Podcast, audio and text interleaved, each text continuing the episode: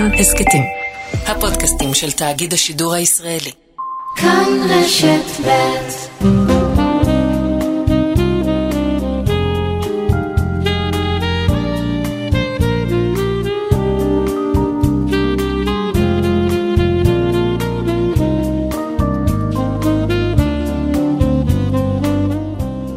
שלום רב וחג שמח, אנחנו כאן בתוכנית חגיגית ברשת ב', נמצאת הספר רק מילה בעברית, שירי אהוד מנור, בין האני לאנחנו מאת הדוקטור גלי מנור. כאן איריס לביא ואיתי באולפן גלי מנור, שלום לך. שלום איריס. דוקטור גלי מנור, למה? אני דוקטור לספרות אנגלית. כמו אבא קצת, לא? תראי, כיוון. גדלתי בבית אנגלופילי לגמרי. אוקיי, אז זה הכיוון. לגמרי. אנחנו הולכים לדבר איתך על הספר המרתק הזה שלך, שבו את מנתחת בעצם את uh, שירי אהוד מנור מבחינת שפה, רקע, ילדות, בגרות, uh, סגנונות ועוד מיני דברים. נעבור כאן על הספר, כמובן לא על הכל, אבל על השירים הרבים והאהובים של אביך אהוד מנור, שכולנו כאן ברדיו זוכרים אותו ואוהבים אותו וחסרים אותו. ואני רוצה אולי לפני שנתחיל וניכנס ממש לתוך הפרדס, מה הביא אותך לשבת, לכתוב, לחקור את השירים של אבא? אני חושבת שמה שהוביל אותי לכתיבת הספר זה דבר ראשון געגועים, באמת געגועים לאבא, שפשוט אה, נפטר, נעלם במהירות, לא הספקנו להגיד לו שלום. וגם אני באמת ניסיון אה, להבין אותו, להבין את השירים שלו, שרוב החיים שלי די אה, השתדלתי להתעלם מהם, או לא כל כך להתייחס אליהם, ודווקא אחרי המוות שלו פתאום אה, נפתחה ההזדמנות הזאת להכיר אותו, להכיר את השירים ולהמשיך איתו בעצם בסוג של דיאלוג. אז זה דיאלוג שבו את אה, באמת נכנסת לתוך אה, העולם הפנימי, הנפשי, בטח לא קל, ככה כבת להיכנס לשם, אני מניחה. נכון, יש הרבה mm-hmm. קונפליקטים, בייחוד שגם אבא בעצמו לא כל כך אהב שמתייחסים לשירים שלו בנפרד מהלחנים. הוא מאוד האמין בכוח הזה של מילים ומנגינה, של ביחד הדבר הזה. וברגע שמתייחסים בנפרד למילים, לא בטוחה שאבא רואה את זה בעיניים כל כך כן. יפות, אבל... הוא אהב את, ה, את המוזיקה, אני זוכרת שגם ברדיו הוא תמיד דיבר על זה, כמה הוא אהב, ותכף נדבר על זה, על גרשווין וכל השירים נכון, האמריקאים. נכון. אבל בואי באמת נתחיל, ואת גם בספר מתחילה באיזשהו אופן מהילדות, בבנימינה, שגם נכנסה כל כך הרבה לשירים, והביאה את מה? את, ה, את התום, את ה... אני חושבת, כן, לגמרי. אני חושבת שאם נמשיך באמת בכיוון הזה של הספרות האנגלית, אז יש באמת את הרעיון הרומנטי הזה של מין איחוד מגי עם הטבע. ואבא באמת מספר, כשהוא היה קטן, הוא היה מדבר עם אה, ציפורים, אה, מדבר עם כוכבים, כמו שאנחנו רואים באמת אה, בשיר ימי בנימינה. אז הוא אומר, אבל מה קרה לילד שדיבר אל כוכבים, שהמתיק סודות עם סביונים ושכפים, ויום אחד קם ונעלם? זאת אומרת, כן. הילד מבנימינה הלך נכון. למקומות אחרים וגדולים. את יודעת מה אנחנו בתוכנית הזאת כמובן רוצים לדבר, להבין, לחקור, אבל גם לשמוע את השירים? אז אני מציעה שכבר ניכנס אל תוך השיר היפהפה הזה שעכשיו הזכרנו, ימי בנימינה. השיר הזיכרון האולטימטיבי, אני חושבת שכולם, אה, לפחות מן הכפר וגם מן העיר, יכולים להזדהות איתו. הנה.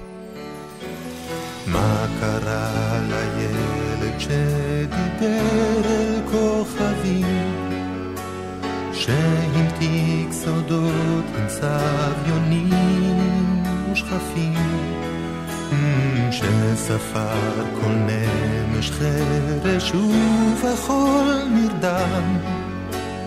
מה קרה לו יום אחד שקם ונעלם אני רוצה לחזור אל הימים הכי יפים שלי, הימים היפים של בנימינה כן, אני זוכר הכל זרם לאט, השמש לא מיהר. אנשים אמרו שלום, חבר היה חבר. הבט בלבנה. איך היה יבול הענבים השנה. ייכנסו הערב יש ריבה מיטוט גינה. ובלילה תתכסו כי תהיה צינה.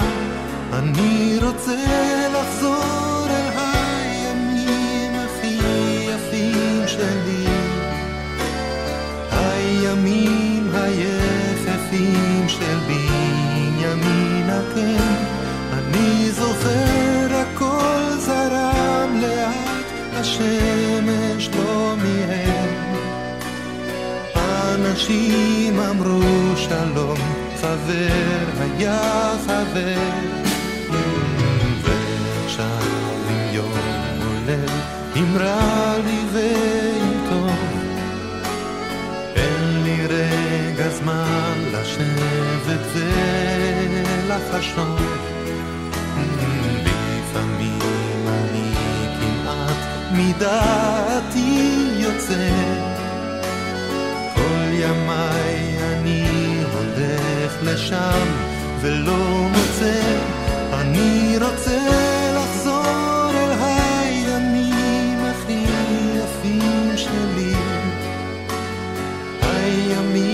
היפים של בנימין הקן, אני זוכר הכל זרם לאט, השמש לא מיהר. אנשים אמרו שלום, חבר היה חבר. קרא לילד שנרדם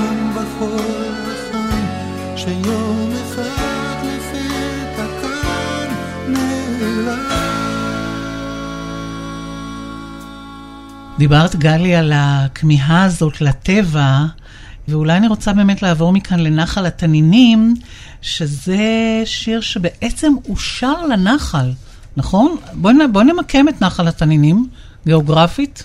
ממש uh, קרוב. אה, כן, זה היה ממש קרוב, ממש מאחורי הבית. וראיינתי חברים של אבא שגרו ברחוב שלו, בגבעת הפועל, והם אמרו שבאמת זו הייתה אחת החוויות הקסומות. הם היו יורדים לנחל, משתכשכים במים, מתגלשים לתוך המים. ופה בעצם זה שיר מאוד עצוב, הוא בעצם פונה אל הנחל ומעניש אותו באלף. ובעצם יש אה, את אותו דבר, את אה, עיניים אחרות אני רואה בתוך המים, כלומר אותה תחושה של זרות שאנחנו רואים גם בימי בנימינה, מה קרה לילד.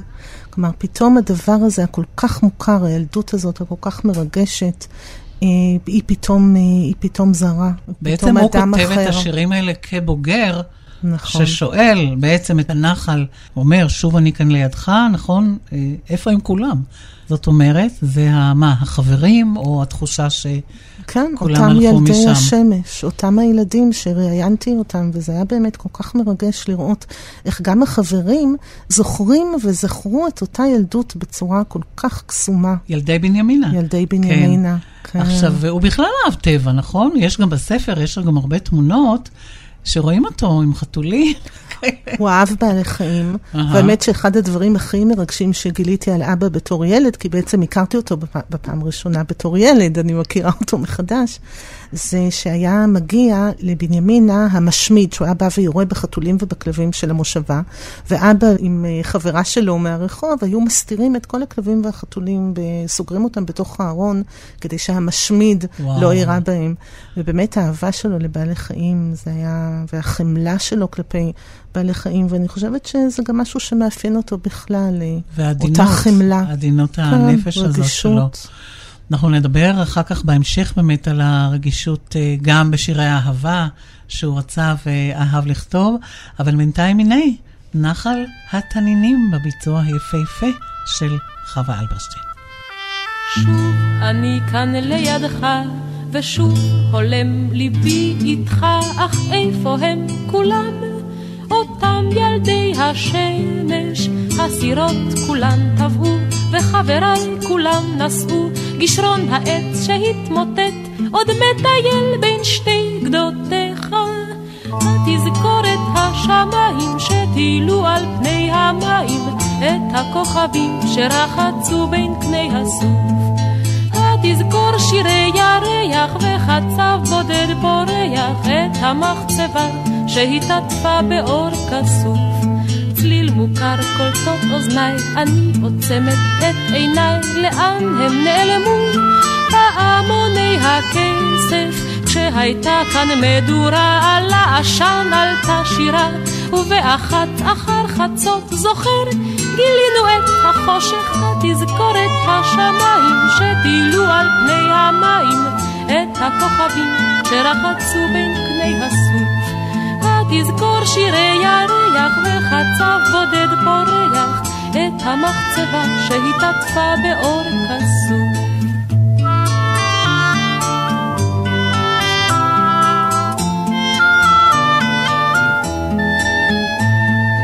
הכרמל ניצב איתן ירוק, צבעו של הטילטן מימיך לעולם, זורמים זורמים בנחת, גם היום כמו אתמול, ימין הכביש ועץ משמאל, ורק עיניים אחרות אני רואה בתוך המים, התזכורת השמיים שטילו על פני המים, את הכוכבים שרחצו בין קני הסוף.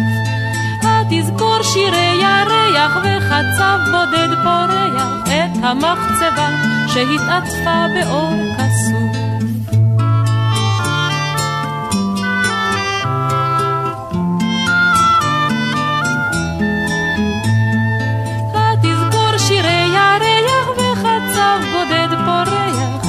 המחצבה שהתעטפה באור כסוף.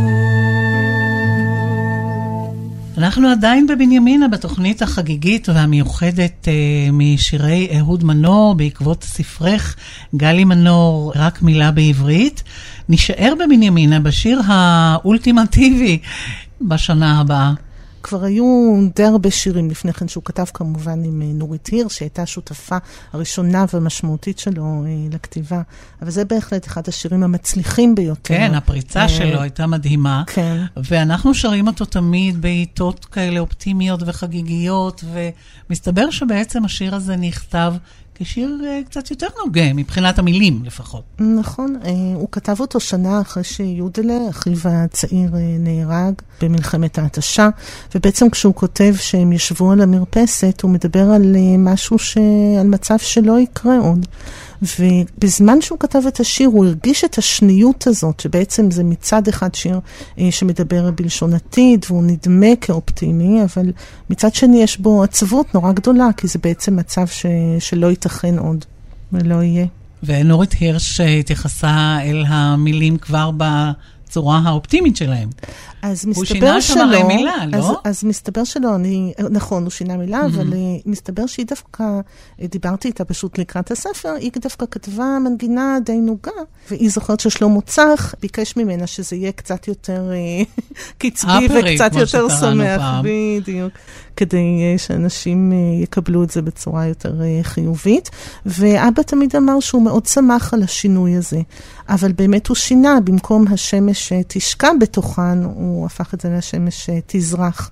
אה, כלומר, הפך את התשקע לתזרח כדי באמת להתאים למנגינה ה... ואז השמחה. קיבלנו את השיר השמח הזה. כן. בשנה הבאה בעצם אה, אנחנו לא יודעים מה יהיה, אנחנו תמיד מקווים לטוב, אבל המרפסת הייתה חלק מאוד אינטגרלי מהחיים, נכון? של נכון. הבית הזה. לגמרי. יש משהו בכלל במיקום של המרפסת, כשאנחנו מדברים אה, בכלל על בית, יש כל מיני מקומות סימבוליים בתוך הבית. אה, למשל, יש חדר העבודה, יש את המרתף, יש את עליית הגג. אז גם המרפסת זה מין מקום שהוא בעצם, הוא חצי בפנים וחצי בחוץ, הוא מין, במין מרחב ביניים כזה, שמאוד מאוד מאפיין את החיים ב- כי בבנימינה. גרו שם, עשו שם הרבה הם- דברים הוא במרפסת. פשוט אומר שהוא חי במרפסת, ובאמת אה, הבת דודה שלו וגם החברים אה, מספרים שהם היו מבלים שעות על גבי שעות, שם הם בעצם חיו. ושם אבא היה שומע את הרדיו עם אותם שירים אמריקאים משנות ה-40, שהוא כל כך אהב. אז בואו נשב ונשמח גם אנחנו בשנה הבאה. אילן ואילנית מהביצוע הראשון, השמח. והישן הזה. בשנה הבאה נשב על המרפסת ונספור ציפורים נודדות, ילדים בחופשה, ישחקו תופסת בין הבית לבין השדות.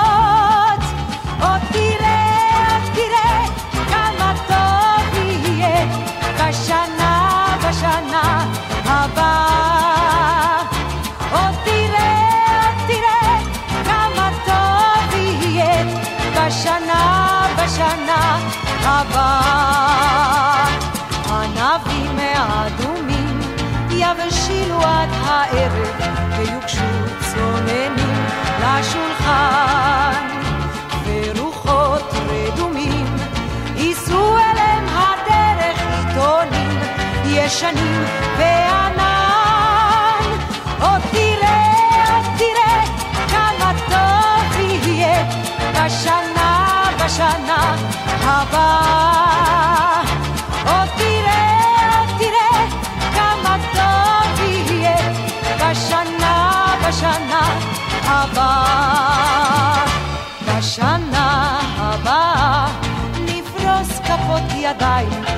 האור הניגר הלבן. ענפה לבנה תפרוס בעול כנפיים והשמש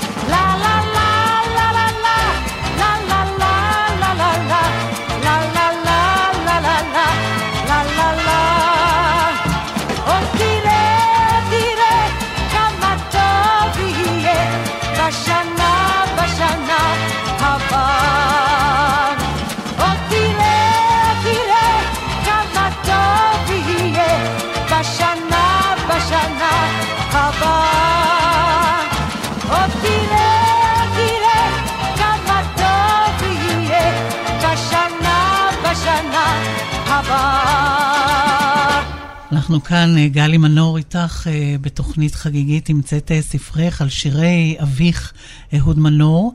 דיברנו על המרפסת, דיברנו על הנחל, על בנימינה והבית, הבית הזה שליד המסילה, שם הם גרו, נכון? זה הבית ש... כן, זה הבית שבו אבא גדל, וזו הייתה חוויה מאוד מעניינת בשבילי באמת אה, לראיין אנשים שהיו בתוך הבית, אה, כולל אימא, שבאמת אף פעם לא שאלתי אותה, אבל... ואנשים בעצם, אה, דרך הרעיונות, הצלחתי לשחזר באמת את הבית. ומה שהיה מדהים, זה באמת לגלות שבשיר הזה, למשל, המרצפת הקופצת שהוא מדבר אליה, או התמונות שנדבקות אל הקיר, התמונות שהוא פחד מהן, של הסבא והסבתא שהיו תלויות על הקיר, וממש אה, השולחן של אבא ושלו, תחת עץ התות, יש פה ממש תיאורים מדויקים של הבית, וזה שיר מאוד מרגש. תגידי, איך את. מרגישה כשאת נכנסת באמת לתוך הבית הזה, לתוך העולם, לתוך הפחדים אפילו של אבא כילדה? אה, יש כאן איזה היפוך, נכון? היום את החוקרת, הבודקת, הרואה, המכילה? אני חושבת שהמון אה, אהבה לאבא. אבא, היה לי אבא נפלא ויש לי אימא נפלאה, ובאמת הייתה לי ילדות אה, מוגנת ומלאת אהבה ו- ומאושרת. אבל אני חושבת שהאהבה שלי כלפי אבא אפילו פה התעצמה, באמת הוא היה פשוט ילד כל כך מיוחד וכל כך חמוד וכל כך טוב וכל כך אתם רגש. הגעתם הרבה לבנימינה כילדים? Uh, הגענו בעיקר לבקר את uh, זאביק, שהוא בעצם האח הבכור שהמשיך לגור שם, הוא בעצם היחיד במשפחה, ואחרי ההתאבדות שלו, המוות הטרגי שלו ב-2003, אז כרגע באמת אשתו עדיין שם. אבל באופן כללי, את הבית הזה סבתא שלי מכרה לאחר המוות של יהודל, היה לה מאוד קשה לחיות שם באותו בית עם הרוחות רפאים, כן, אז מה שנקרא. האח הצעיר כן, שנהרג. שנהרג ב- במלחמה. ב-68, והיא אחר כך אה, מכרה את הבית כן. ועברה לעיר. ובשיר הוא. מדבר על זה שבבית הזה כבר לא קורה מה שהיה קורה פעם, ספרי קצת על זה. נכון. הוא שוב מעניש את הבית באלף. הבית הופך להיות כמעט מין מרחב אה, אנושי. אה, יש אפילו תחושה משונה של, אה, של על-טבעי, איזושהי תחושה uncanny. מיסטית כזאת, כן. כן, ש, שפרויד קרא, שבעצם אנחנו חוזרים לאיזה מין אה, אה, מחשבות מגיות של, ה, של הילדות המוקדמת. אה, ויש הרבה שירים כאלה שהוא כותב על הבית. הוא בעצם כתב די הרבה שירים אה, על אותו בית. אה, ולצערנו, האמת, אני חייבת להגיד כמשפחה, שמאוד רצינו שבאמת יהיה שם אה, איזשהו משכן לזכרו של אבא. מוזיאום, כי כן. הבית בעצם נקנה על ידי קבלנים, ומאוד כואב לנו שהדבר הזה לא יצא לפועל. בואו נשמע. הבית ליד המסילה. בבית ליד המסילה. לא מתהלכים עוד ברגליים יחפות וליד המרפסת הגדולה לא מבעירים עוד את עלי הצפצפות השער סגור, הדלתות נעולות, התריסים מוגפים גם בים, הרקיע פרוס ועיניו עוד כחולות, אך הבית חדל כבר לנשום. פעם בבית ליד המסילה ראיתי פנים מאירות, כי הבית הרב ליד המסילה ידע גם שעות אחרות.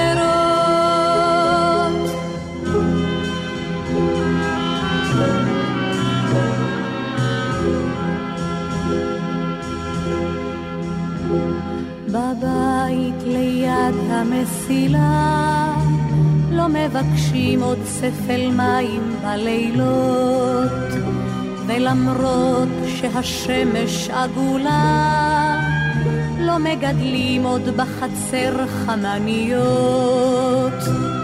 הבוקר אילם והאור לא עולה ויונים לא עפות אל הגג. חום השמש צורב והגשם הולם אך הבית כמו גג פעם בבית ליד המסילה ראיתי פנים מאירות כי הבית הריק ליד המסילה ידע גם שעות אחרות. פעם בבית ליד המסילה ראיתי פנים מאירות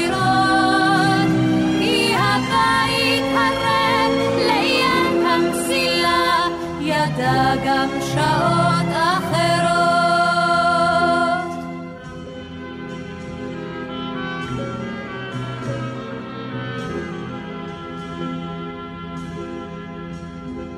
בבית ליד המסילה לא מברכים עוד על נרות לכבוד שבת וליד המרפסת הגדולה לא ניטעים עוד אילנות בט"ו בשבט. הבית דומם ודומעים חלוניו התמונות נצמדות אל הקיר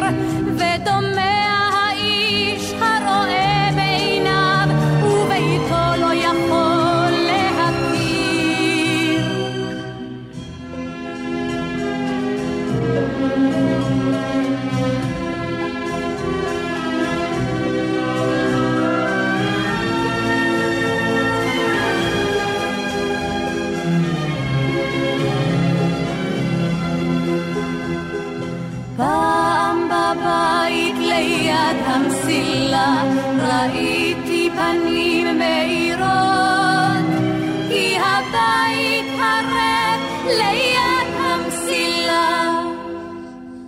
ידע גם שעות אחרות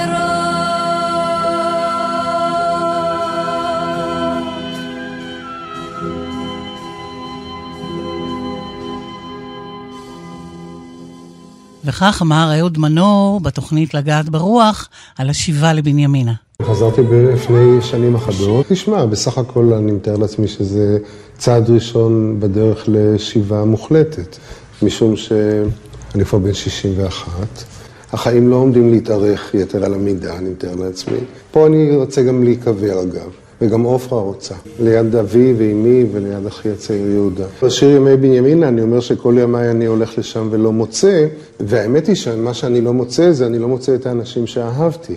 אני מצאתי הרבה דברים אחרים. אנחנו איתך, גלי מנור, בתוכנית חגיגית, המצאת אה, ספרך, רק מילה בעברית. ואנחנו מדברים על אהוד מנור, באמת אה, האבא, האיש, הפזמונאי. ומי שבאמת באיזשהו שלב החליט לחבר אולי בין כל העולמות, כלומר עולם התרבות האמריקאית שהוא מאוד אהב, העולם הישראלי מאוד, ואפילו העולם המזרחי. נדמה לי הוא אחד הראשונים שכתב לזמר המזרחי. זה היה מאוד מאוד אה, חשוב לאבא. אה, בכלל, סתם בנימה אישית, אני חייבת uh, לציין שגם הוא תמיד נורא רצה שנתחתן, שבני הזוג שלנו יהיו ממוצע מזרחי. הצליח לו? חלקית. אבל באמת הוא כתב, אה, למשל בשיר הלוואי, הוא כותב הלוואי והתמזגו מזרח ומערב. וכן, היה לו מאוד חשוב הדבר הזה של שילוב מזרח ומערב, אבל לא בנוגע לכור היתוך, הוא לא האמין בכור היתוך, לא? אלא דווקא בשמיכת Mm. טלאים. כלומר, כל אחד בעצם שומר, זו המטאפורה שהוא משתמש בה, כל אחד בעצם שומר על צביונו, אבל כולם ביחד מאוחדים. ובאמת היה במשהו, אבל אני חושבת שזה היה חלק גם מהציונות שלו. הוא נשא באמת על כתפיו גם, גם אהבה נורא גדולה לארץ וגם אמונה נורא גדולה בדור הבא. ואני חושבת שאולי היה לו מאוד קשה אם הוא היה היום אה, רואה את, ה, את הקרע. ש... את השבטים כן, השונים. נכון, למרות שהשבטים נכון. אה, דווקא מסתדרים עם אה, שמיכת הטלאים. כור ההיתוך בעצם מדבר על מחיקת הזהות שלך. ובשמיכת טלאים, שזה סוג אחר של אה, דימוי, בעצם אנחנו מדברים על אה, שילוב של כולם אה, בתוך איזושהי רקמה אחת אה, אנושית כן. של זהויות שונות. והשיר ים תיכוני, שזה חנן יובל אה, הלחין ושר, איך נולד? יש איזה סיפור מיוחד סביבו? הם כתבו את זה בדרכים כשהם היו נוסעים למופעים. ויש פה בעצם איזושהי אמירה של אה, גם, גם אני ים תיכוני בעצם. אה, אל תוציאו אותי מה, מתוך כלומר, המעגל זה שההורים הזה. שלי באו מאירופה לא כן, אומר כן. שאני לא כאן ואני לא ים תיכוני. בואו נשמע את הביצוע היפה גם של אה, חנן יובל, שגם הלחין כמובן.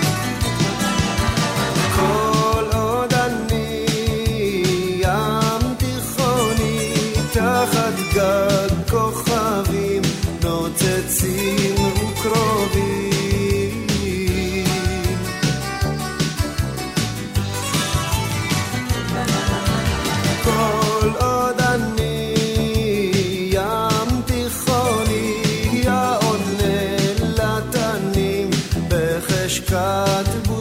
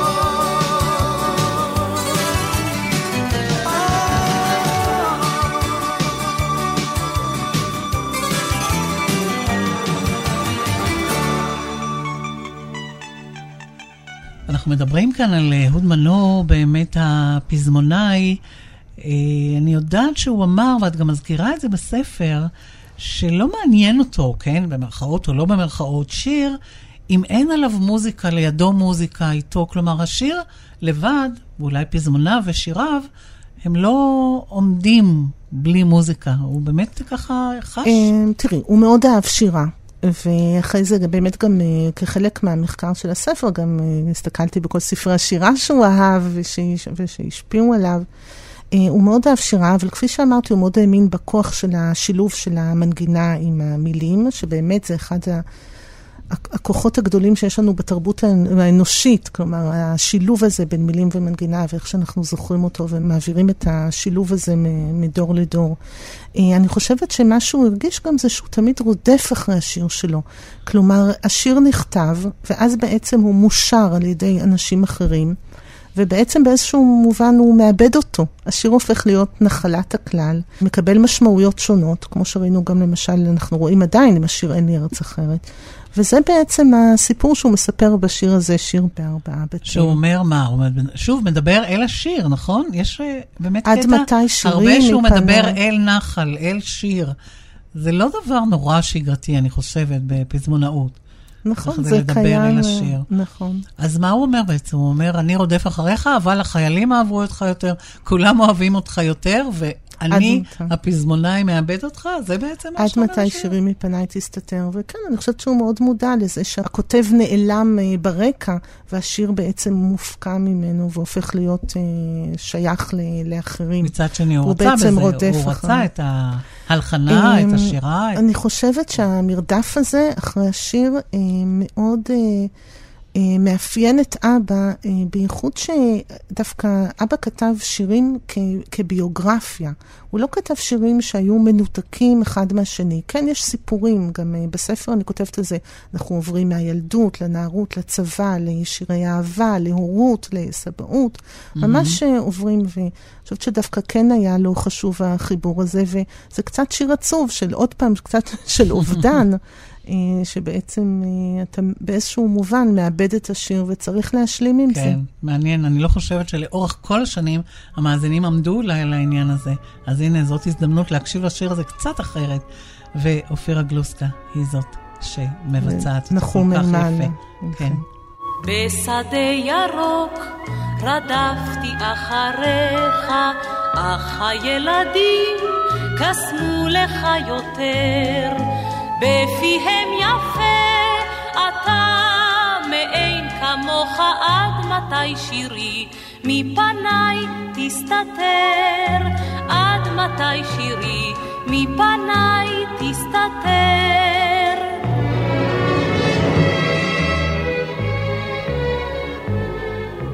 בחשכת הלב רדפתי אחריך אך האוהבים קסמו לך יותר, בפיהם יפה אתה מאין כמוך עד מתי שירי מפניי תסתתר, עד מתי שירי מפניי תסתתר.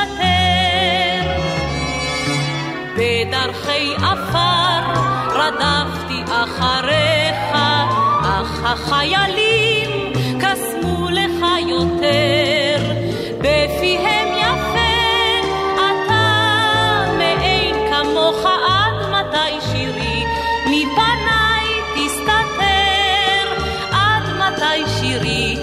מפניי תסתתר.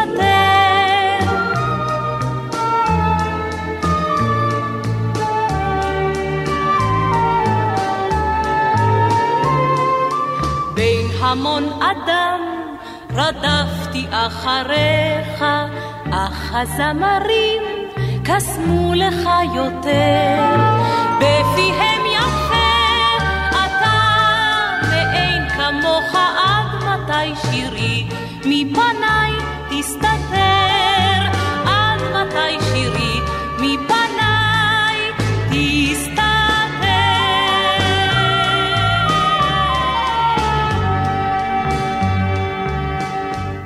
אנחנו כאן, אה, גלי מנור, בשירי אהוד מנור, הולכים ככה לאורך הביוגרפיה, לאורך הספר, אנחנו מתקדמים, ואהוד עזב את בנימינה.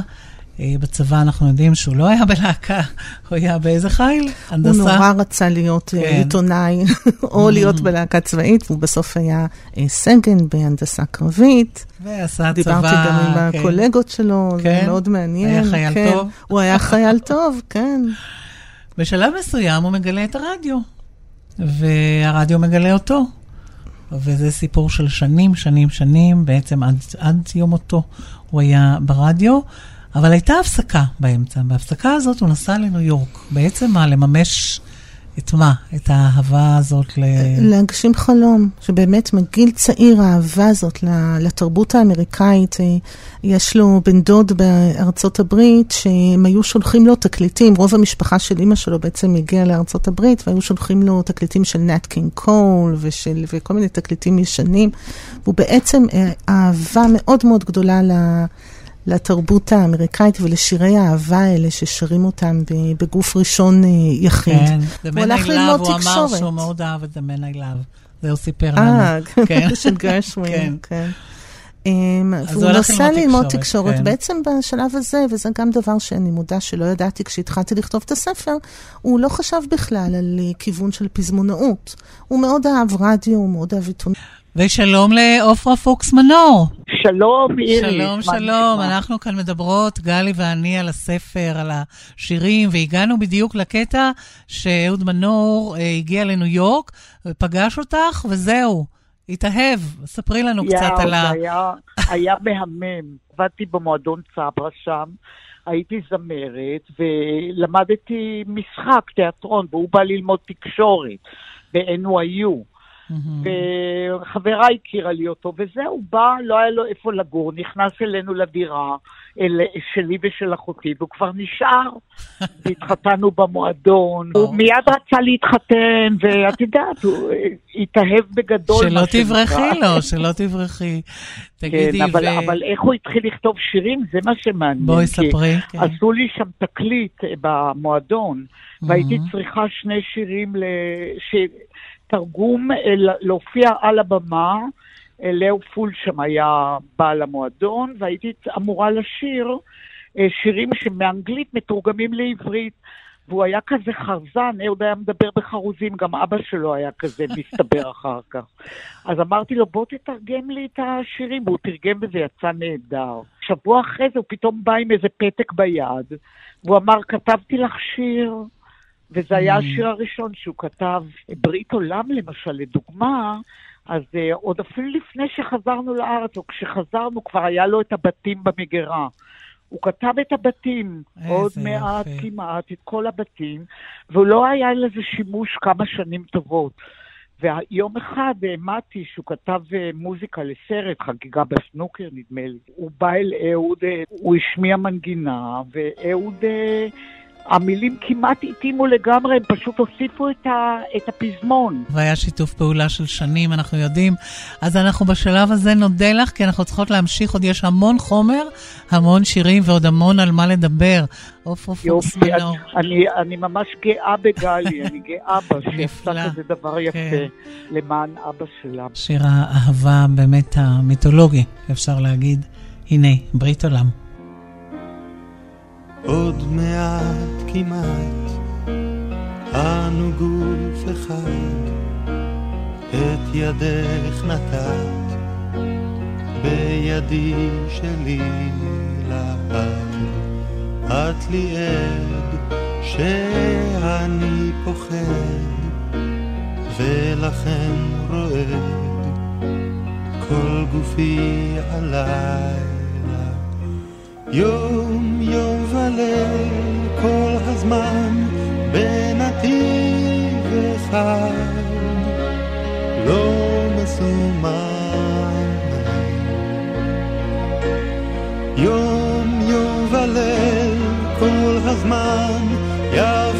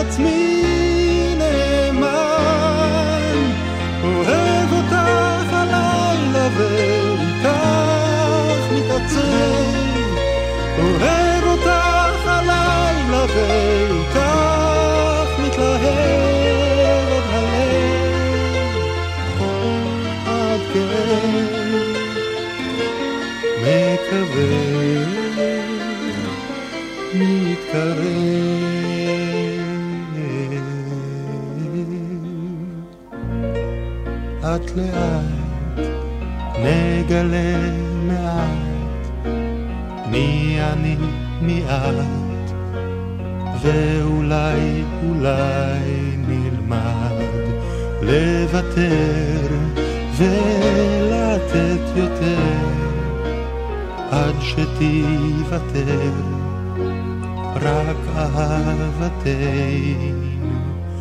יום יום וליל כל הזמן בנתיב אחד. לא מסומן. יום יום וליל כל הזמן יחד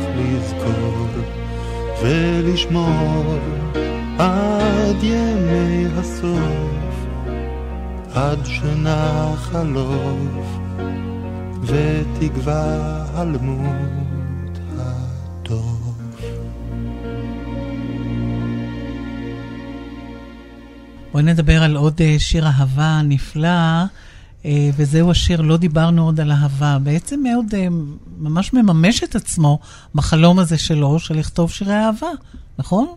יש פול גדול מאוד של שירי אהבה. יש המון שירי אהבה, ואני חושבת שבעיקר בתחום הזה של שירי אהבה, באמת לאבא יש תרומה מאוד גדולה בכלל בהתפתחות של הזמר העברי, כי באמת הוא הביא פה משהו, משהו קצת אה, שונה.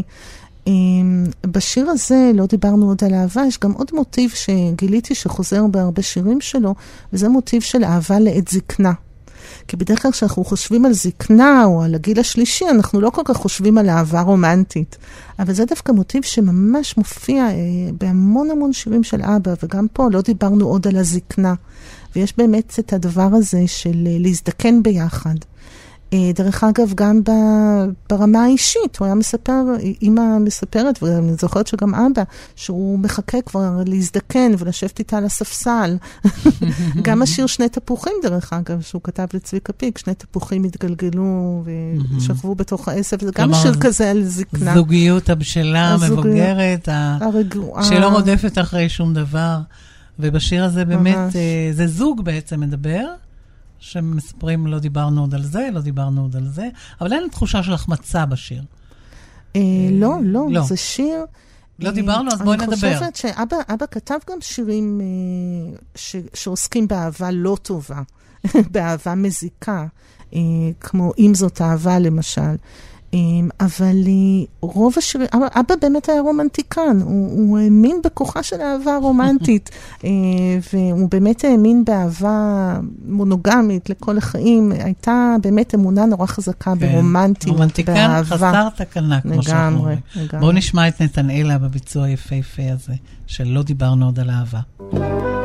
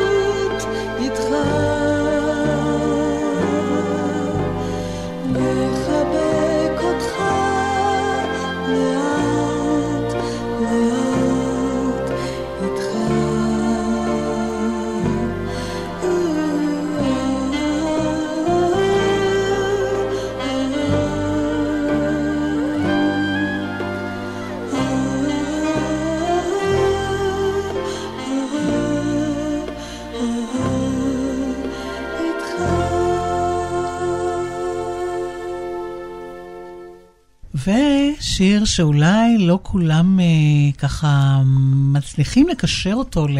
אנחנו כאן עכשיו ברובריקת שירי האהבה של אהוד מנור, הבתים שנגמרו ליד הים. מה הסיפור בשיר הזה? דבר ראשון זה שיר שאבא כתב לאימא כשהיא הייתה יוצאת להצגות, היא הייתה שחקנית, הופיעה בקאמרי והוא היה יושב ומחכה לה. אז בעצם זה שיר שמתקשר, הרבה פעמים חושבים שהוא מתקשר לבנימינה, אבל דווקא הוא מאוד uh, תל אביבי. מה, הבתים שנגמרו הראשון. ליד הים בגורדון? כן, כן. בפרישמן? כן, גרנו, כן, בדיוק, גרנו בדיזנגוף, אה, הם גרו בדיזנגוף, אחרי זה גם Mhm. אני נולדתי וגדלתי שם. ובעצם זה השיר הראשון שהוא כותב עם נורית הירש, ושיר שהראשון שמצליח. אבל היו התנגדויות לשיר הזה, כי בעצם הוא אומר, אה, שעות שחיכיתי עד בוש. ואז הוא אומר, לבין המרזב והברוש. ורן אלירן ששר את השיר, באמת אמר, מה זה, מה זה המילה הזאת מרזב? זה, זה לא מילה שמתאימה לשיר אהבה.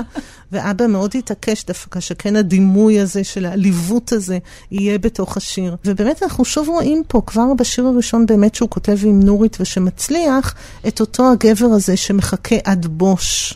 עם המרזב המטפטף. ושמוכן להיות חלש. האנטי-מצ'ואיסטי. ואנטי-מאצ'ו כן, כזה. כן, רגיש. וגם אולי באמת וחלש. להכניס את הפרוזאיות, את היומיומיות של החיים, נכון. גם לתוך אה, פחות השיר הזה. פאתוס. הנה, רן אלירן, הבתים שנגמרו ליד הים.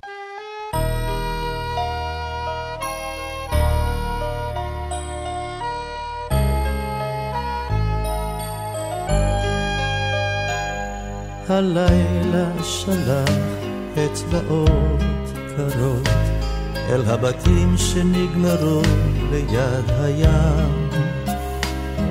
הלילה ליטט בשפתיי לחות את החוף שנרדם לו מן הסתם. ואני זוכר אותך שעות שחיכיתי עד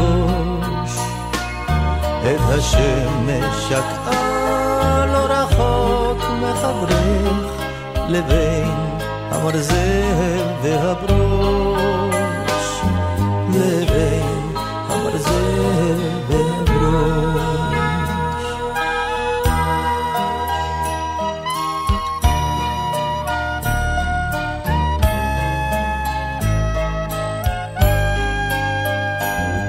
ירד השיק עוד כוסית של חלב עם הבתים שנגמרו ליד הים. ירח ניסר את התריס וקרנב וטבע בין גלים שבים. גלי מנור, אנחנו כאן אה, בתוכנית חגיגית עם אה, צאת ספרך אה, רק מילה בעברית על שירי אהוד מנור, בין האני לאנחנו, ואנחנו יוצאים עכשיו להפסקה, חדשות. נחזור מיד אחרי החדשות עם עוד שעה איתך ועם שירי אהוד מנור. כאן איריס לביא, יישארו איתנו. לבין המרזל והברוש.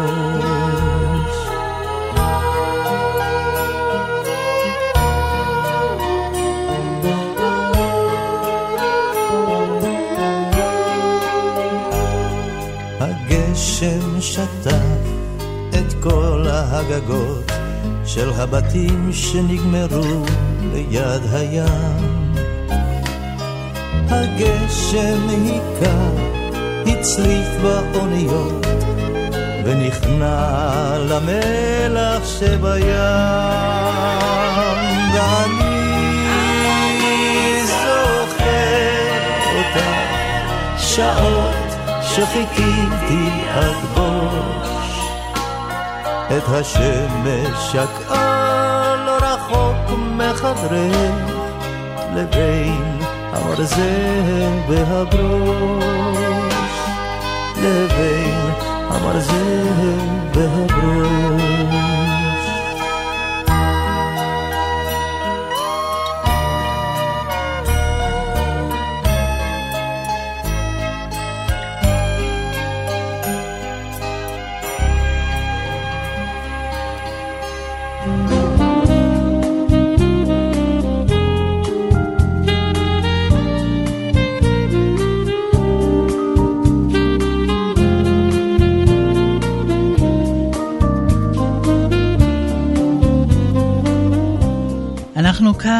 ברשת ב' עם אה, שעה שנייה של תוכנית חגיגית עם צאת הספר רק מילה בעברית, שירי אהוד מנור, בין האני לאנחנו, שכתבה דוקטור גלי מנור. שלום גלי.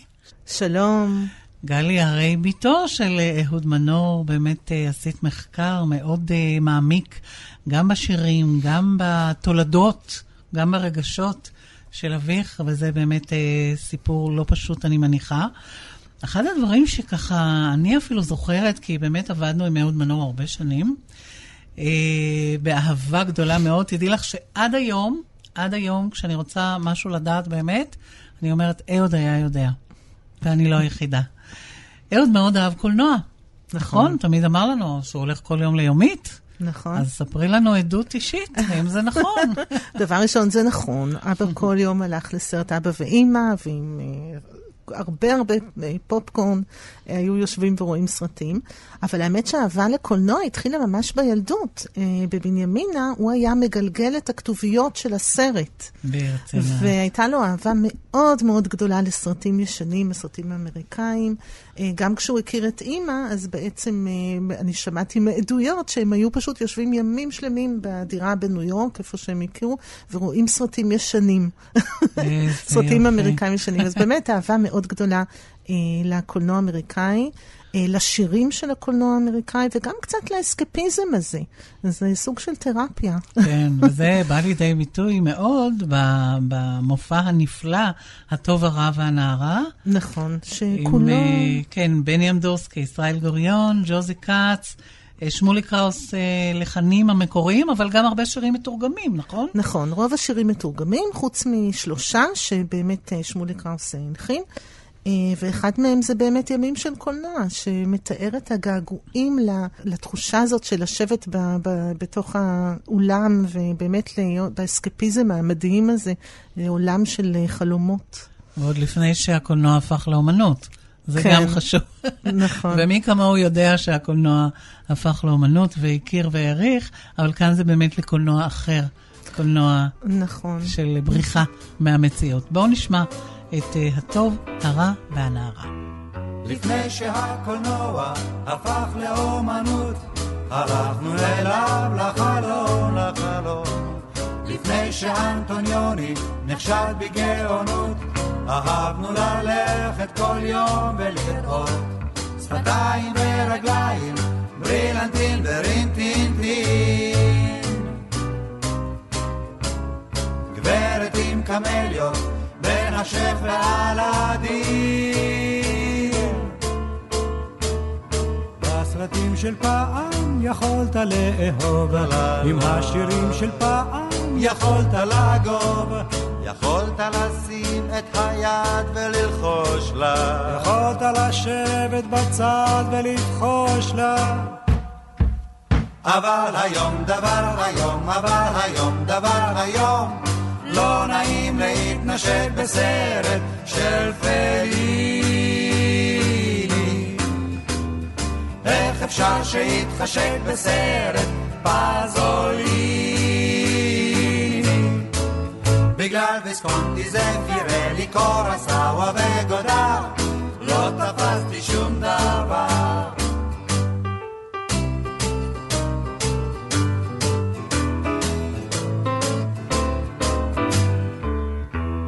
עכשיו צריך לשמוע תודות והרצאות, ניתוח לפני ואחרי ואחרי. עכשיו צריך בשקט לשאת בתוצאות של איך וכיצד והרי ולראות סמים וחוסר קשר, גז מרעיל ווייטנאם. דיאלוג חסר כל פשר וגברים ללא עונה. בסרטים של פעם לא בא להתאמץ, עם השירים של פעם יכולת לגהץ. יכולתי לשיר בין הסיר והמחר. לחלום איך שגר בו אותי מנצחת. כי רק אתמול היה גדול, כי רק אתמול היה גדול. כל דירה הייתה מבצר וכל מיטה שני דונם. אם הלב היה נשבר בכל מקרה, רק דושה. ואז במגדלורים, באוריונים, רקסים והעם, התאהב כל העולם. בגלל ויסקונטי זה פירלי קורסאווה וגודר, לא תפסתי שום דבר.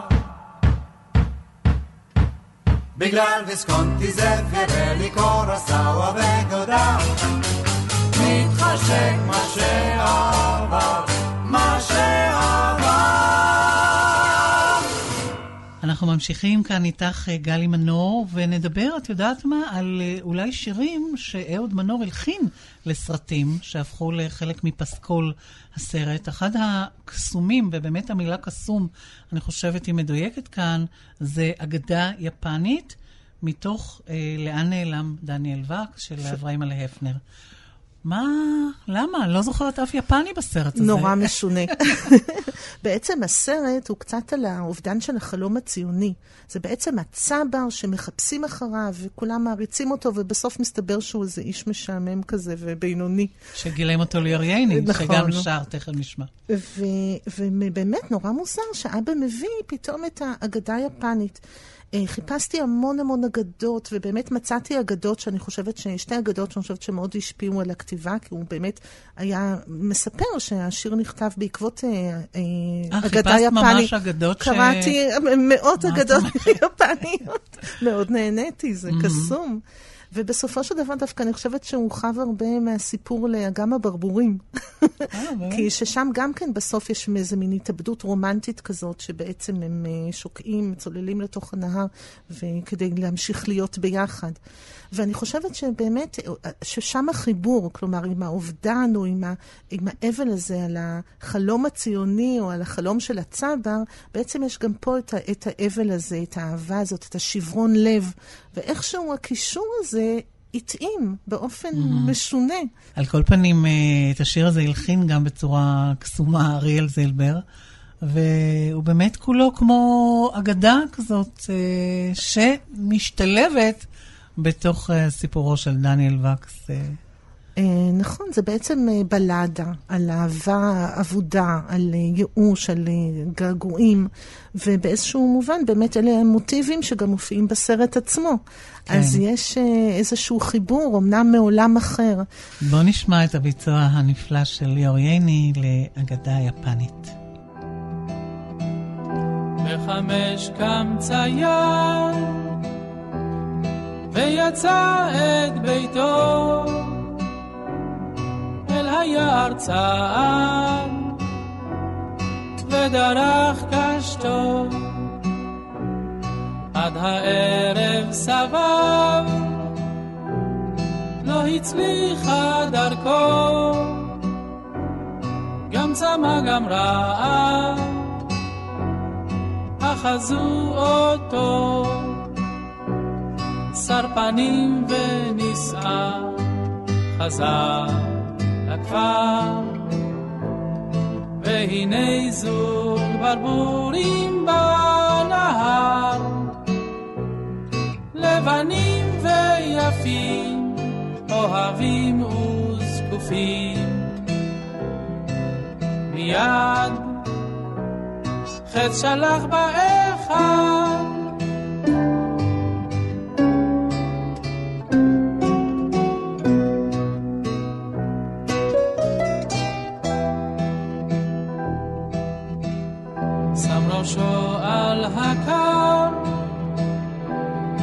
הצייד שהיה.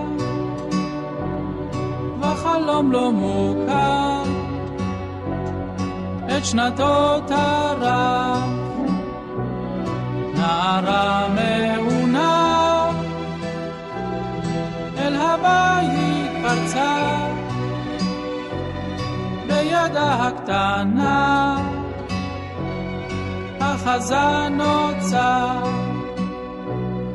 שתי עיניה צופות נוזפות יפות כל הלילה דמעותיה שוטפות בחתם האבן אהובי הלבן. מחר לך ליד הנהר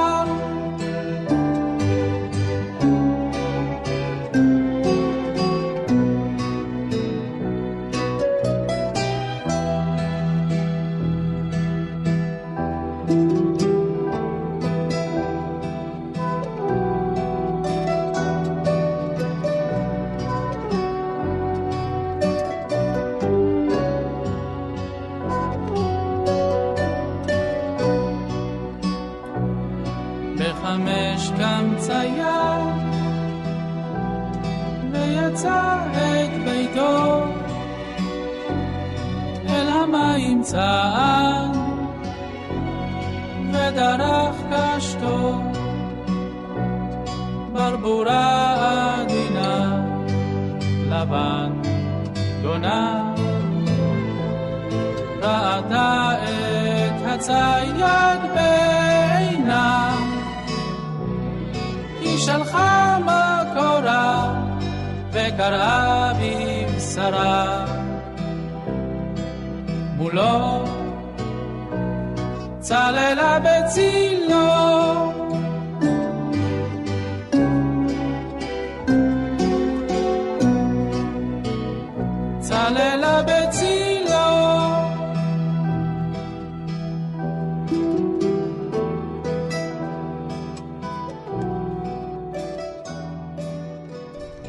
נמשיך עם עוד קצת אה, שירי קולנוע שאהוד מנור כתב.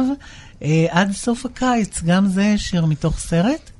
נכון, זה אה, שיר מ-1972 עבור הסרט שתי דפיקות לב של שמואל לימברמן, ומישה סגל כתב את המנגינה, מישה סגל שהיה חבר מאוד טוב של אבא, ובאמת אבא מביא לפה משהו, אבא נורא רצה, גם כשהוא כתב שיר לסרט, והשיר היה צריך להתאים לתוך העלילה של הסרט, היה נורא חשוב לו שהשיר ישרוד, שלשיר יהיה איזשהו קיום אה, בפני עצמו. ובסופו של דבר, כשהיו שואלים את אבא מה השורות הכי אהובות עליך בכל השירים, אז הוא היה מצטט מתוך השיר הזה, הנה אנחנו שניים, שלובי צילי ידיים, מה עוד יכולתי לבקש באמצע הרחוב. וגם יש עוד פעם את הדבר הזה אה, של אבא, עוד מוטיב שחוזר, שמין כמיהה כזאת לאהבה אבסולוטית, לאיזשהו מין איחוד רומנטי, וזה באמת רגע קסום, דימוי קסום. וגם הביצוע של השיר אלי מגן, שגם הפך לביצוע באמת ככה, מה שאנחנו אוהבים להגיד מיתולוגי, כבר הרבה הרבה שנים אה, מושמע ואהוב, והנה, בואו נשמע. עד סוף הקיץ, מתוך שתי דפיקות לב.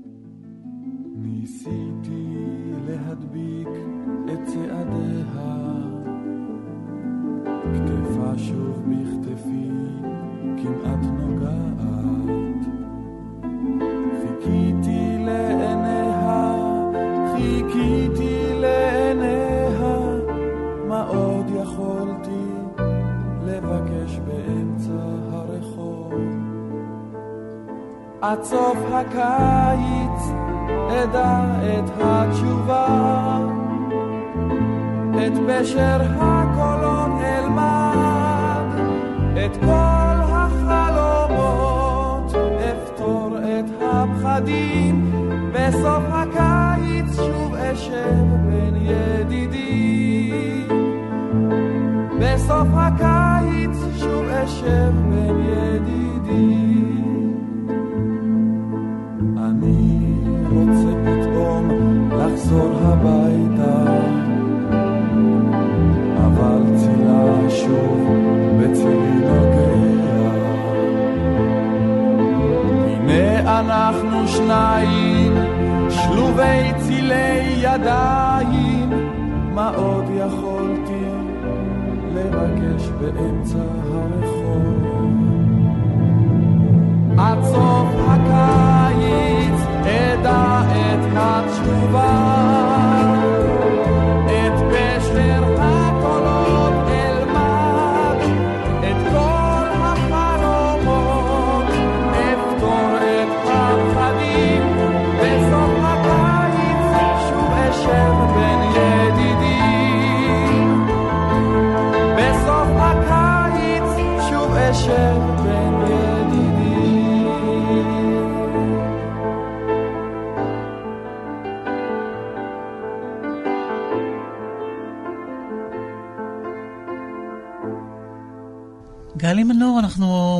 על שירי אהוד מנור, אביך, אה, על פי הספר שלך, ככה עוקבים אחרי הספר שלך, אה, שחקר את שיריו, ומגיעים לשיר, אה, השיר אולי של הסרט, וזהו בלדה לשוטר. מה כן. קרה שם? מה הקסם הזה? עוד פעם, זה שיר שהוא בעצם שיר מוזמן, אבל אבא, כמו שהוא עשה בכל השירים המוזמנים, הוא מביא את עצמו לתוך השיר. אה, ויש באמת משהו בשיר הזה שהוא מדבר, אה, לו להשיב אה, ניתן, את מחוגי הזמן. שוב מוטיב שחוזר אצל אבא, כמו אנו ניפגש בתום ימים ושאלות, או בשיר משאלה שהוא כתב עם בועז שרבי, איזושהי מין חזרה, או מישהו, כלומר, חזרתיות, הגלגלים האלה של הזמן, והרצון לחזור אחורה. לחזור אחורה ולתקן משהו, לשנות משהו. אבל האם זה בא באמת לפי מה שאם חקרת, אה, מאיזושהי התכתבות עם עלילת הסרט, עם הדמות של שייקה אופיר, או עם כל הסיפור, איך בוודאי, מתכתב עם זה הסרט? שיר שהיו צריכים להתאים, נורית ואבא, אה, בוודאי, היה אמור להתאים באיזשהו רגע מסוים. הכל היה שם מבחינת העלילה, אבל אבא כתב את המילים, וכשהוא כתב את המילים, הוא באמת הכניס שם גם את, ה, את הדברים שלו. את, את ראית את הסרט אה, כמו כולנו כמה וכמה פעמים? בוודאי. ובכית בדמעה של שייקה אופיר? אי אפשר לא לבכות שם, אה, מאוד נכון? מרגש. הוא נהדר, הוא נהדר. והשיר. באמת גם יצא כבר מגבולות הסרט. שוב, כמו שאת אומרת, שהיה נכון. חשוב לאהוד מנור אה, שהשירים שלו יחזיקו מעמד גם אחרי הסרט. עד עכשיו, מכל השירים שעברנו זה הצליח, אז כמובן גם השיר הזה, ואושיק לוי, זה הביצוע המקורי נכון. של השיר, הנה בלדה לשוטר.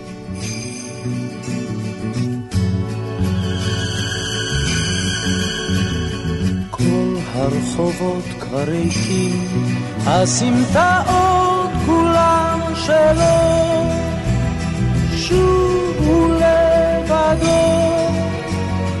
שוב רק עם צילו. כל הרחובות כבר ריקים, הסמטאות כולן שלו. אין מה למהר או לאחר.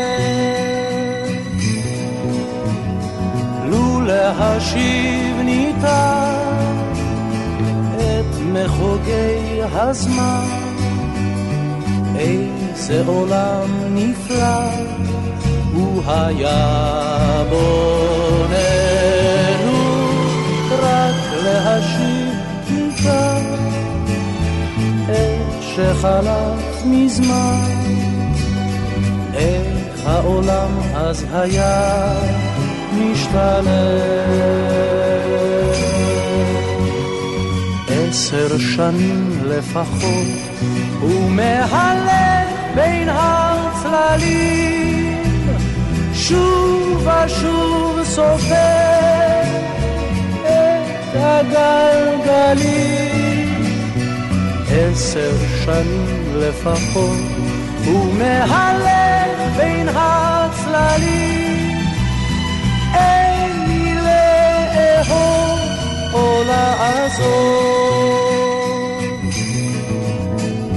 לו להשיב ניתן את מחוגי הזמן, איזה עולם נפלא הוא היה בוננו, רק להשיב ניתן את שחלף מזמן, העולם אז היה משתנה. בוקר אפור באוויר, הסמטאות כבר לא שלו, שוב אומרים לו לך, שוב אומרים לו בוא. בוקר אפור באוויר, שוב משנה התמונה. שמש את יוצאת מנדנה.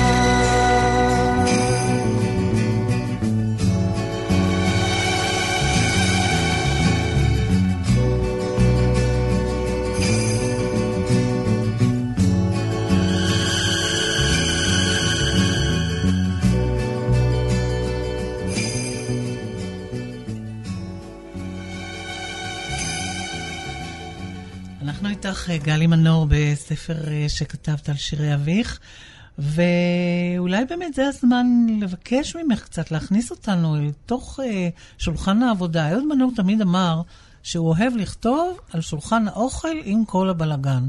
נכון, יש לי חברות שגם להם היו הורים יוצרים, ותמיד מספרים סיפורים שצריך היה להיות בשקט, שאבא או אימא עובד, עובדת. אצלנו זה לא היה ככה, אבא עבד ממש על שולחן האוכל, או בסלון, או במטבח. אה, מאוד אהב לשתף. אה, כמובן, את אימא, בזמן כמעט, היצירה? בזמן מה דעתכם על זה היצירה, ועל זה? ממש, כן, Mhm. כן, זה היה לפעמים מטרד. כלומר, מה דעתך על השורה הזאת, מה דעתך על השורה הזאת? בעיקר אימא הייתה מאוד מעורבת, וגם אותנו היה תופס אה, בכל פעם. הוא מאוד אהב את ההמולה של הבית, הוא לא היה אדם שאהב אה, להתבודד וללכת לכתוב בשקט מוחלט, ובאמת אלה הצלילים שליוו את הילדות שלי, הטייפ הזה שמשמיעים בו את, ה, את, ה, את את הלחן, כן. ו, וכל הניירת, ערימות של ניירת, שאחרי זה באמת זה נשאר, ואימא עד היום... אה, את יודעת, ב- אל מה הוא בנתה כתב? ארכיון. במה שאני רואה תמיד את שיריו, אני רואה דף ועט. נכון. לא מכונת כתיבה לא, ולא לא, מחשב? לא, דף ועט. וכשאנחנו רואים באמת את השירים הם ככה יפים, אז זה כי אחרי הטיוטות, או הוא כתב בלי טיוטה? תראי, הרבה פעמים הוא היה עובר בראש, כבר היו לו כבר את החרוזים בראש. הרבה שירים נכתבו ככה. כלומר, בהתחלה הוא כזה שיחק עם זה בראש, ואז כשהוא היה יושב לכתוב, כבר היו שינויים מעטים מאוד. אמ, כן מצאתי ש... גרסאות שונות, שינויים, כמובן, תיקונים, אבל אה, לרוב אה, זה היה איכשהו כבר יוצא מתוכו כבר די אה, בשל. די מוכן. הוא כתב שיר אה, לשלושתכם, בעצם נכון. כל ילד קיבל שיר. אחד השירים המרגשים שעוסקים בילדות, בעצם בהורות, באבהות, אה, זה ילדותי השנייה. כאן בעצם ההורות הופכת לאיזושהי התייחסות לילדות. ספרי, מה, מה את יכולה ככה, מהמחקר שעשית, לספר Mm. לנו? נכון, זה התייחסות לילדות, וזה גם באופן כללי התייחסות למשמעות של החיים. כלומר, דרך הילד, בעצם ההורה רואה שוב את העולם מחדש. זה תהליך שכותבים עליו גם המשוררים הרומנטיים, כמו wordsworth, על הדבר הזה שברגע שאתה לא תראה את הקשת בענן, כאילו ראית אותה בפעם הראשונה, אז בעצם החיים כבר לא, לא שווים. זה בעצם תהליך של מה שנקרא הזרה, של, ה, אמ, של החוויה. ובעצם מה שאבא פה אומר זה שרק דרך נקודת המבט הילדית הזאת, שבעצם אתה רואה כל דבר בצורה כל כך אה, חדשה ומרגשת, אה, זו, זו בעצם משמעות כן. החיים. השיר אני- שמתי כספי כמובן שוב אה, הלחין, נכון. ושר, וגם שמעת את הביצוע של זהו זה? כן, הם עושים את זה נפלא, מקסים, נכון? מקסים, כן. זה היה יפה אז מאוד. אה, נותן באמת את התחושה הזאת שפשוט אפשר לחזור שוב ושוב עם, עם אותם ילדים, ואתם, הילדים, אז את צריכה להרגיש שייכות לשיר הזה. לגמרי. אני חושבת שהשיר הזה הוא גם אה, בעצם המשך של גלי. כלומר, גם אני עוד רוצה לבכות, גם אני עוד רוצה לצחוק, ובעצם דרך הילד אתה משאיר בעצמך את המקום הילדי הזה, שמתרגש כן. מכל דבר. יפה. בואו נשמע. ילדותי השנייה. זו ילדותי השנייה, מה שתתני לכך. זו ילדותי השנייה, איתך. זו ילדותי השנייה, כל השנים כבר נשכח. זו ילדותי השנייה, ליבי נפתח. דרך עינייך בת, אני רואה ומגלה דרך ידייך אלמד לגעת שוב בגלי הים. דרך שפתייך בת, וטעם חדש למילים, ואיתך שוב אגדל בלי לחשוש, אנחנו כבר בני שלוש. השנייה, מה שתפני לי אקח.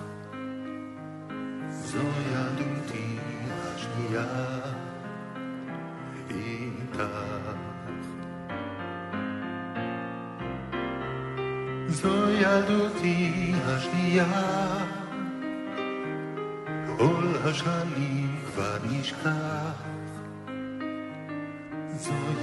ילדותי השנייה, ליבי נפתח. דרך שירייך בת, אני אלמד שוב להקשיב לבריאה. בפסיעותייך אצעד, בדרך אל הפלאים שבעה. בחיוכייך בת, בוקר חדש ללילות,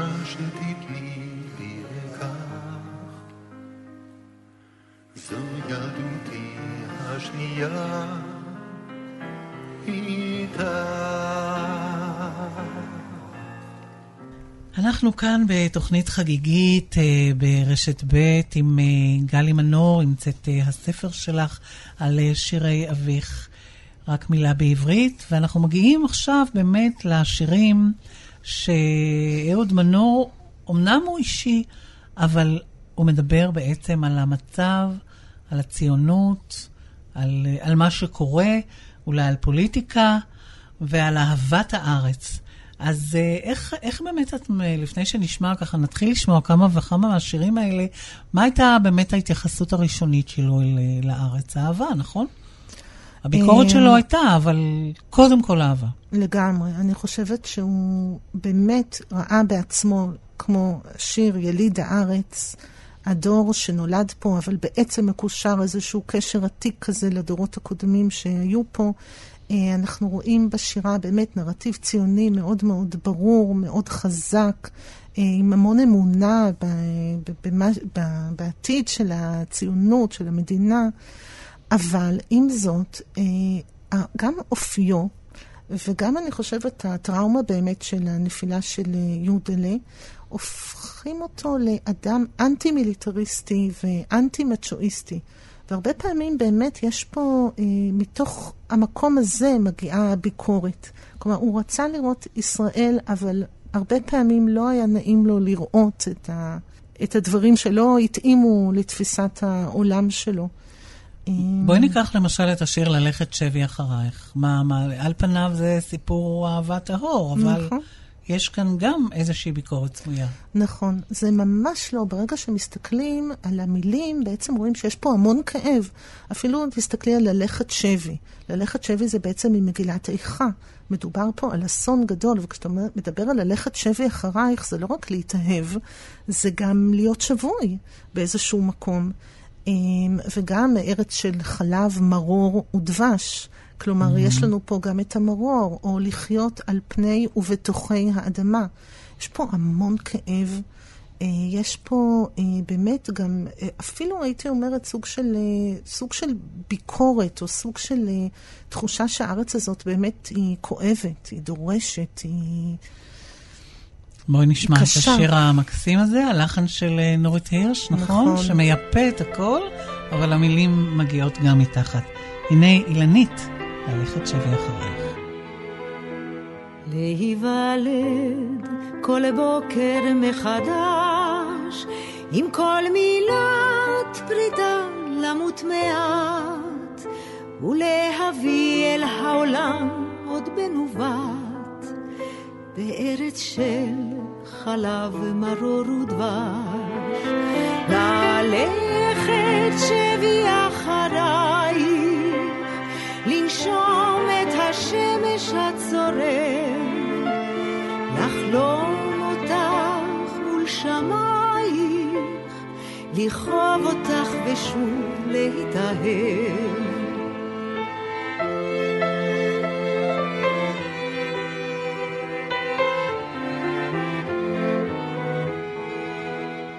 לשאת חלום מבטן מדורות, לשאול באביבייך נחמה, לחיות על פני ובתוכי האדמה הנוראה והיפה הזאת.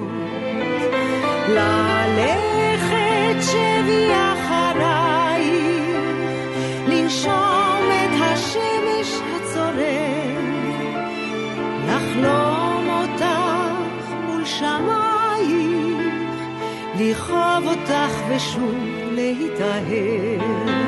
אם ערב את קולנו יעלה, מבוקר יום אלינו הוא יבוא, ופדיוננו ייראה עד בוער בו. מתי סוכת שלומך עלינו תגלה? ללכת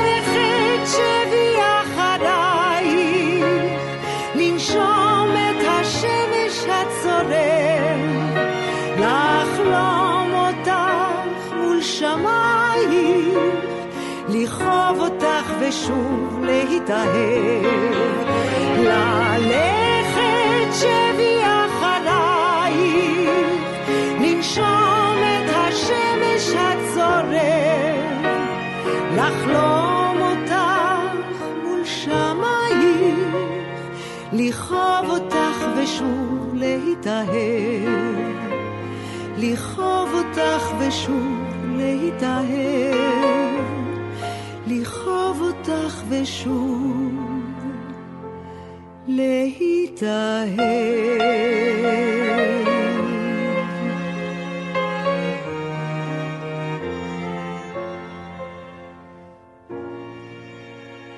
הזכרת, גלי, את יליד הארץ. בעצם ביליד הארץ הוא מדבר עם אביו, נכון? הוא מדבר על ההורים.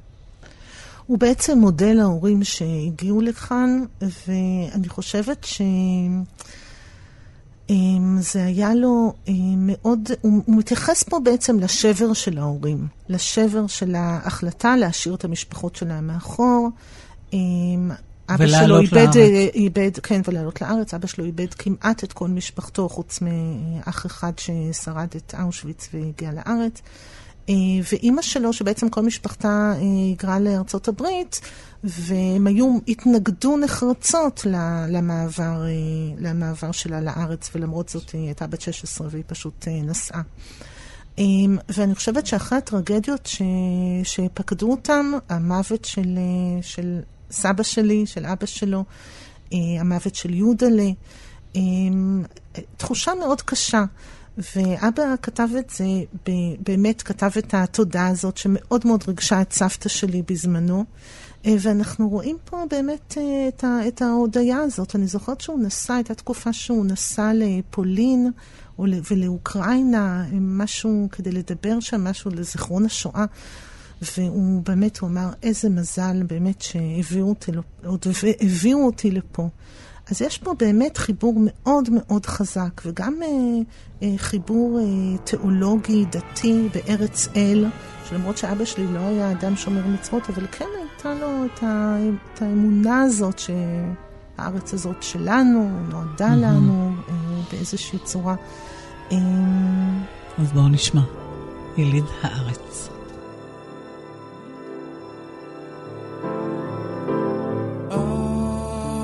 אבא, שר אני לך, על שיום אחד קמת ותלך.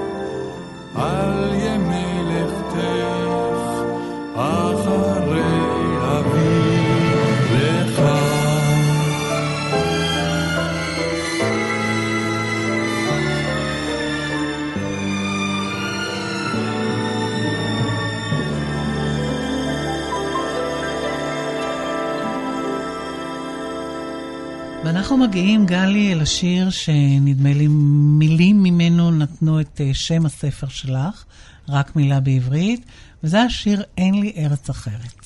והסיפור שלו הוא מעניין, כי הוא עבר ככה ממחנה למחנה. בואי ספרי לנו, ואת חקרת, כמו בכל הספר הזה, באמת חקרת את שירי אביך. מה הוא מספר? מה, מה הוא רצה ומה קרה לשיר?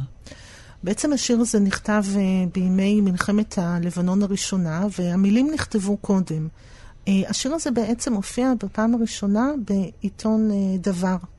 הוא הודפס בעיתון דבר בעמוד הראשון בתקופה מאוד קשה, מאוד קשה לנו, כלומר לכל המדינה, וקשה גם מאוד uh, לאבא, שאני ממש זוכרת את הקושי שלו עם ההתמודדות עם כל החיילים שנפלו, עם הכניסה ללבנון, זה היה לו מאוד מאוד מאוד קשה.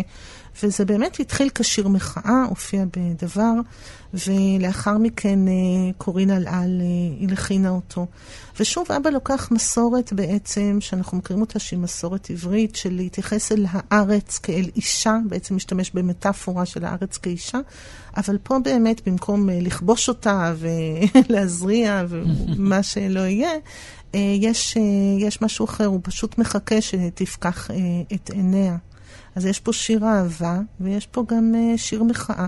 אבל שיר מחאה בסגנון המאוד עדין של אבא. אבא... אבל בכל זאת, גם אם אדמתי בוערת, זה לא, נכון, לא מילים קלות. נכון. אבל uh, אני חושבת שאבא מאוד האמין, גם למשל בן יפה נולד, או אחי יציר יהודה, שבאמת אנחנו רואים בהם שירים קנוניים שאין בהם מחאה, אבל כשאתה מסתכל עליהם אתה רואה שבעצם אין שם הצדקת המוות, אין שם קריאה להצטרף למלחמה, אין שם הרבה מוטיבים שכן היו קיימים בשירים בתקופה הזאת. אה, וגם פה זה בעצם שיר אה, אנטי-מלחמתי, זה שיר שנלחם על הערכים שלו, אבל בלי להרגיז את הנמענים. אה, ולהכריז על עצמו כשיר מחאה, כי באותו רגע, בעצם, גם לפי תיאוריות ש, של קריאה של שירי מחאה, אתה בעצם נאטמות האוזניים של המקשיבים, כי אם הם יודעים שזה נגיד שיר שקשור mm-hmm. לצד מסוים במפה הפוליטית, הם לא יקשיבו לו. אז דווקא אה, הצורה הזאת של אה, להכניס את המחאה, אבל בצורה רכה, מחאה רכה. וזה מאוד מתאים לאופי של אבא. אה, וגם כן. יש, בזה, יש בזה באמת אה, גם כשהוא היה מראיין אה, שאלות קשות מישהו, הוא היה עושה את זה ב...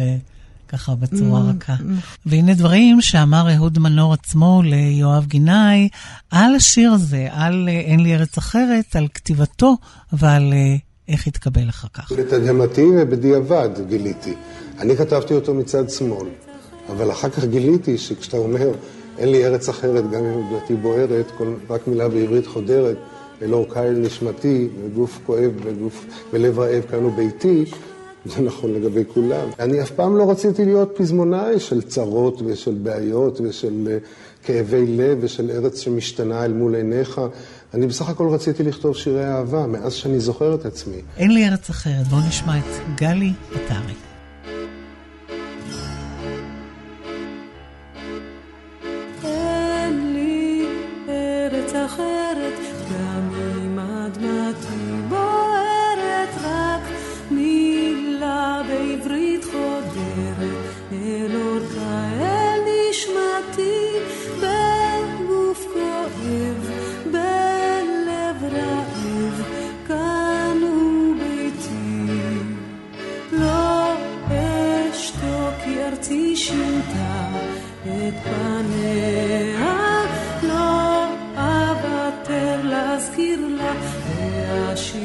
שם באוזניה עד שתפקח את עיניה.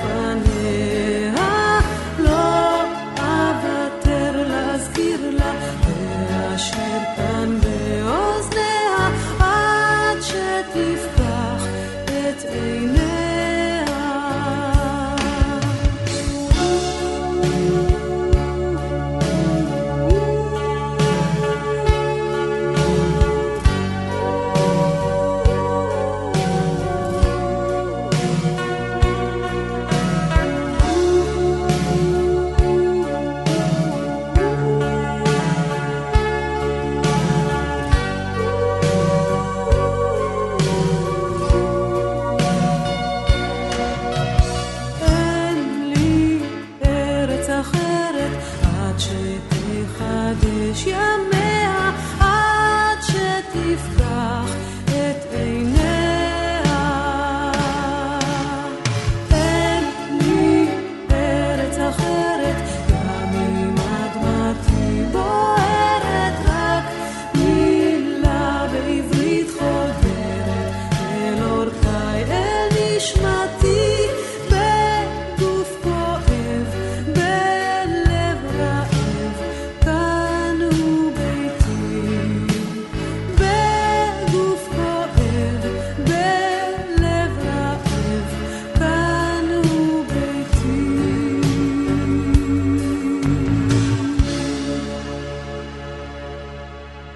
וכמעט אה, לסיום התוכנית הזאת, שבה הלכנו איתך, אה, גלי מנור, בשירי אביך, אהוד מנור, ספר מאוד מאוד אה, מחקרי ומעניין שכתבת, שיר שהוא מגדיר אותו, נדמה לי, אהוד מנור הגדיר אותו כאיזשהו שיר אולטימטיבי של כמיהה שהכל יהיה טוב, וזה הלוואי, עם בועז שרעבי.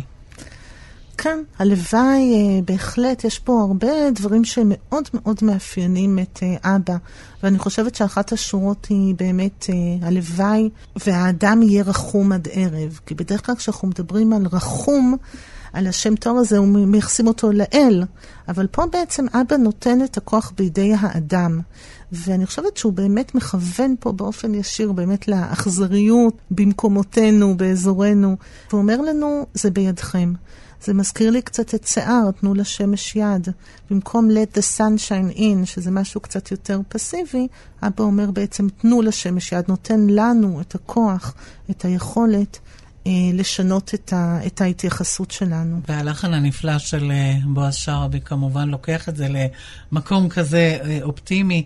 בואי קצת נזכיר, הלוואי ויום יצמח מתוך סופה גועשת, הלוואי ולא תאבד לעד המתנה. הלוואי שהמדבר יצמיח עשב דשא, הלוואי ועוד נשב בצל התאנה, הלוואי שלא נכאב ואיש אחיו יאהב, הלוואי ויפתחו שוב שערי גן עדן, הלוואי ויתמזגו מזרח ומערב, הלוואי ונחדש ימינו כאן כקדם, וגם הלוואי ולא יישא עוד גוי אל גוי חרב, ולא ננטוש את דרך התקווה, הלוואי והאדם יהיה רחום עד ערב, הלוואי שיש סיכוי אחד לאהבה. מעניין, נדמה לי שזה מכיל השיר הזה את כל הנושאים שדיברנו כאן בתוכנית על מה שאהוד מנור אהב, שזה אהבה, זה שלום, זה רחמים והחמלה והכל, נכון, מקסים. כל המוטיבים פה בתוך מין תפילה עוצמתית כזאת, שמקווה לאחד את כולם. הלוואי ומענן תרד עלינו קשת הלוואי שלעולם הזה יש תקנה. הלוואי ליום יצמח מתוך סופה גועשת. הלוואי ולא תאבד לעד המתנה. הלוואי שהמדבר יצמיח עשב דשא.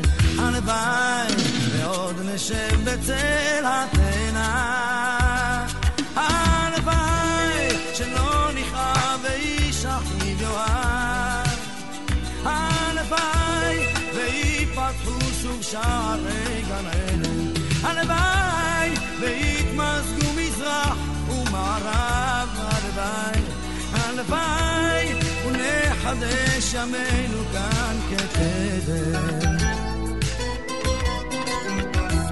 הלוואי ולא יישא עוד גוי אל גוי חרב. הלוואי ולא ננטוש את דרך התקווה. הלוואי והאדם יהיה רחום עד הערב. הלוואי שיש סיכוי אחד לאהבה. שלא נכאב ואיש אחיו יאהב.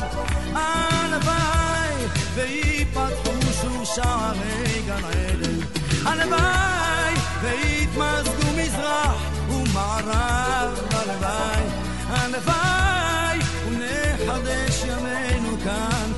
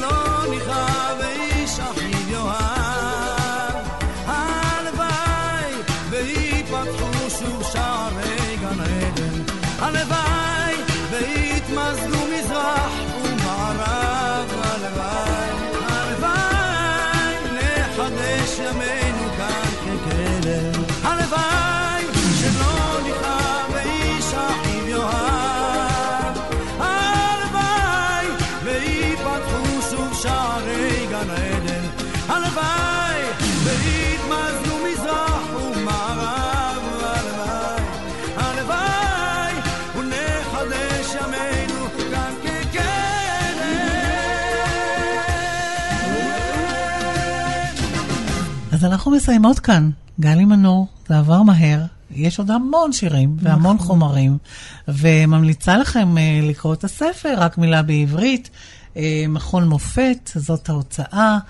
ונגיד תודה. אז תודה לראובן מן, שעשה איתנו את כל העריכה הטכנית. תודה לך, גלי מנור. תודה, איריס, היה תענוג. אני איריס לביא, מאחלת לכולכם חג שמח ורק שירים יפים ורק אהבה, ושיהיה הכל טוב, 里头。